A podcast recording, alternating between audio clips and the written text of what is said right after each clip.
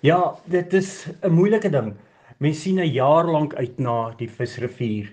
Vir my het vergelykheid dit altyd met die Comrades. Comrades beteken vir 'n langafstand hardloper 'n jaar se baie hard oefen, lang ure, maar daar's ook natuurlik 'n geestelike voorbereiding. My koppe moet reg wees vir daai lang afstande en hulle leef hulle in vir daai een dag se ure op jou voete. Nou maar die visrivier is maar dieselfde. Dit is my kop skoonmaak en dit is my pelgrimstog. Al deel ek dit met ander mense. En dis wat ek die meeste gaan mis, die elke dag se iets nuuts. Die natuur maak net absoluut vir jou oop. Dit is die groot ding. Ek mis die natuur en die die mis om dit te deel met iemand. Frik, jy's 70. Jy het meer as is uh, 60 keer die Visserivier gestap. Dan is dit so amper so asof jy nie by jou ma of jou pa gaan kuier nie en daar's mense wat sê tot die klippe ken jou al. Vertel net 'n bietjie meer, hoe het jy so lief geword vir die Visserivier Ravyn of die canyon soos almal van hom praat? Die liefde het gekom jare jare terug. Ek, ek het saam met wat ons altyd genoem het Exodus gestap. Dit was regtig rof, dis 'n wildernis stap. Dis die oudste canyon in die wêreld. Hy's totaal bros, die kante en goed. En uh die liefde het ontstaan omdat hy so hy's eintlik genadeloos, maar eintlik is hy hy hy bied jou soveel. Die eerste stap byvoorbeeld mag jy nog met 'n revolver aan jou sy geloop het, een in 'n groep vir die wilde diere. Dis nou soos die hulle daar in daai omgewing praat van selfs die tiere. Dis eintlik luiperds wat daar is. En daar was klein elemente gewees wat interessant was. Hier in 73 het byvoorbeeld Stellenbosch studente daar afgeloop en uh, hulle het besluit hulle gaan 'n uh, Vespa skooters daar afvat. Een van hulle lê nog daar. En die ander een is is in Windhoek in hulle inligtings die toerisme inligtingkantoor is. En daar's 'n swaal bron en jy wil net elke keer teruggaan en sien wat gebeur. En dan het ander natuurelemente ingekom soos die droogte. Daar het 'n vloed al deur gekom wat die ouens letterlik weggespoel het. En dit is wat vir my toe later 'n uitdaging geword het om te kan loop en dit geniet en dit te kan oordra. Dit moet 'n ontspannende stap wees. Al draai jy 'n rugsak, want so saam met so 'n bietjie swaar kry, kom daar soveel meer karakter in 'n mens uit en ja, dit is waar die pelgrimstog inkom. Soos ek na jou luister is die Visserivier is nie jou speelmaat nie. Dis nie iets waar jy sommer heen kan stap en 'n selfie gaan neem en sê ek het dit gedoen nie. Jy moet oefen en ons het ontrent al geoefen vir julle se stap. Met rugsakke, ons gaan pak hier allerhande staproetes hier in die Oos-Kaap aan, die Alexandria roete lieflik, die Hakerwil roete, die berge by Crossways. Ons oefen laat dit goed gaan. En toe het julle gaan inspeksie doen en jy sê dis nie veilig om nou te gaan nie, die watersituasie is te kritiek. Ja, die water is kritiek. En dan kom die volgende vraag op. Hoeveel keer was hy al vorige kere al droogte in die vis gewees? 'n Hele paar keer. En dit is waar van hierdie ander stories ontstaan het en ek gaan dit net so vinnig noem. Daar's wille perde in die die Visrivier Canyon en die boer wat sy perde dit was, het sy perde, hy kon nie meer vir hulle voer gee nie. Toe het hy hulle losgelaat want 'n die dier weet waar om water te soek. Daar was eens op 'n tyd tot 7 fonteine in hierdie looparea wat ons vandag ken as die stapgedeelte van die Visrivier. Maar hulle het jaarliks het hulle die Hartap dam oopgemaak, die sluise.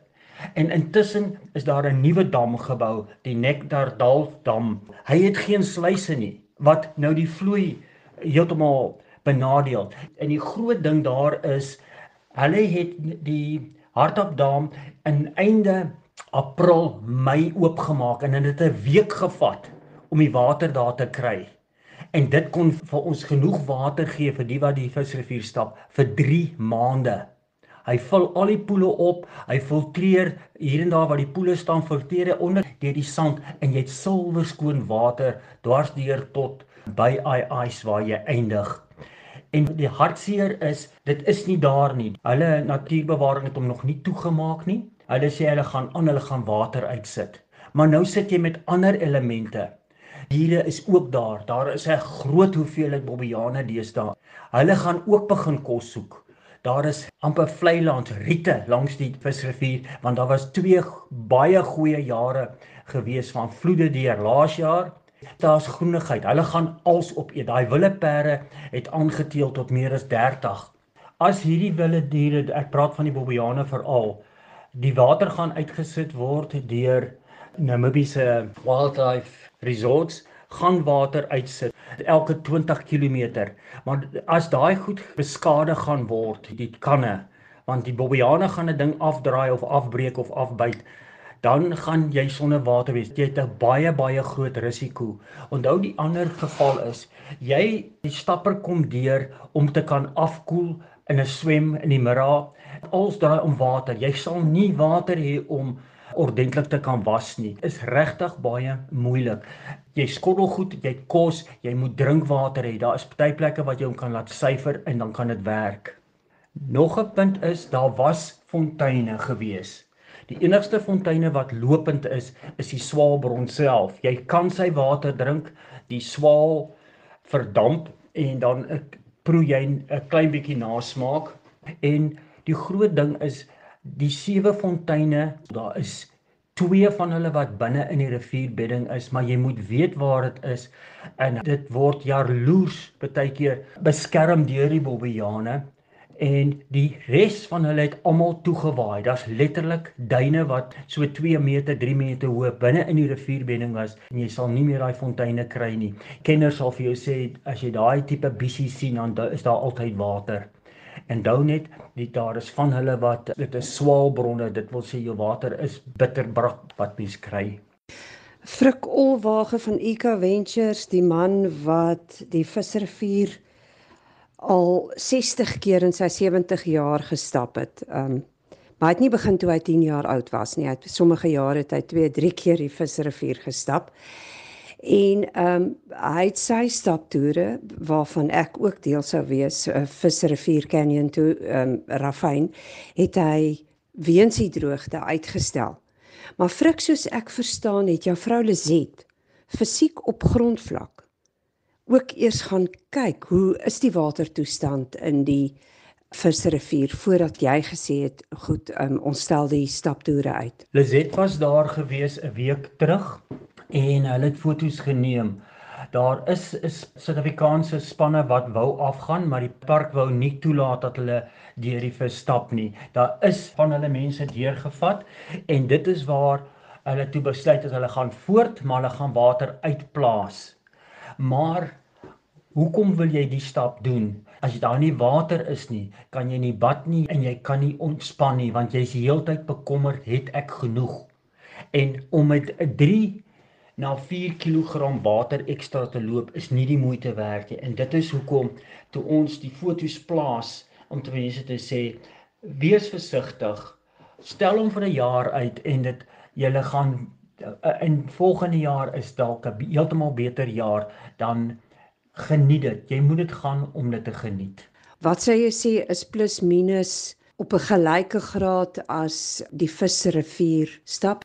Ehm um, doen jy nog die 301 na Makwaland en kilometer stap en die 301 km deur die Kalahari en sulke dinge?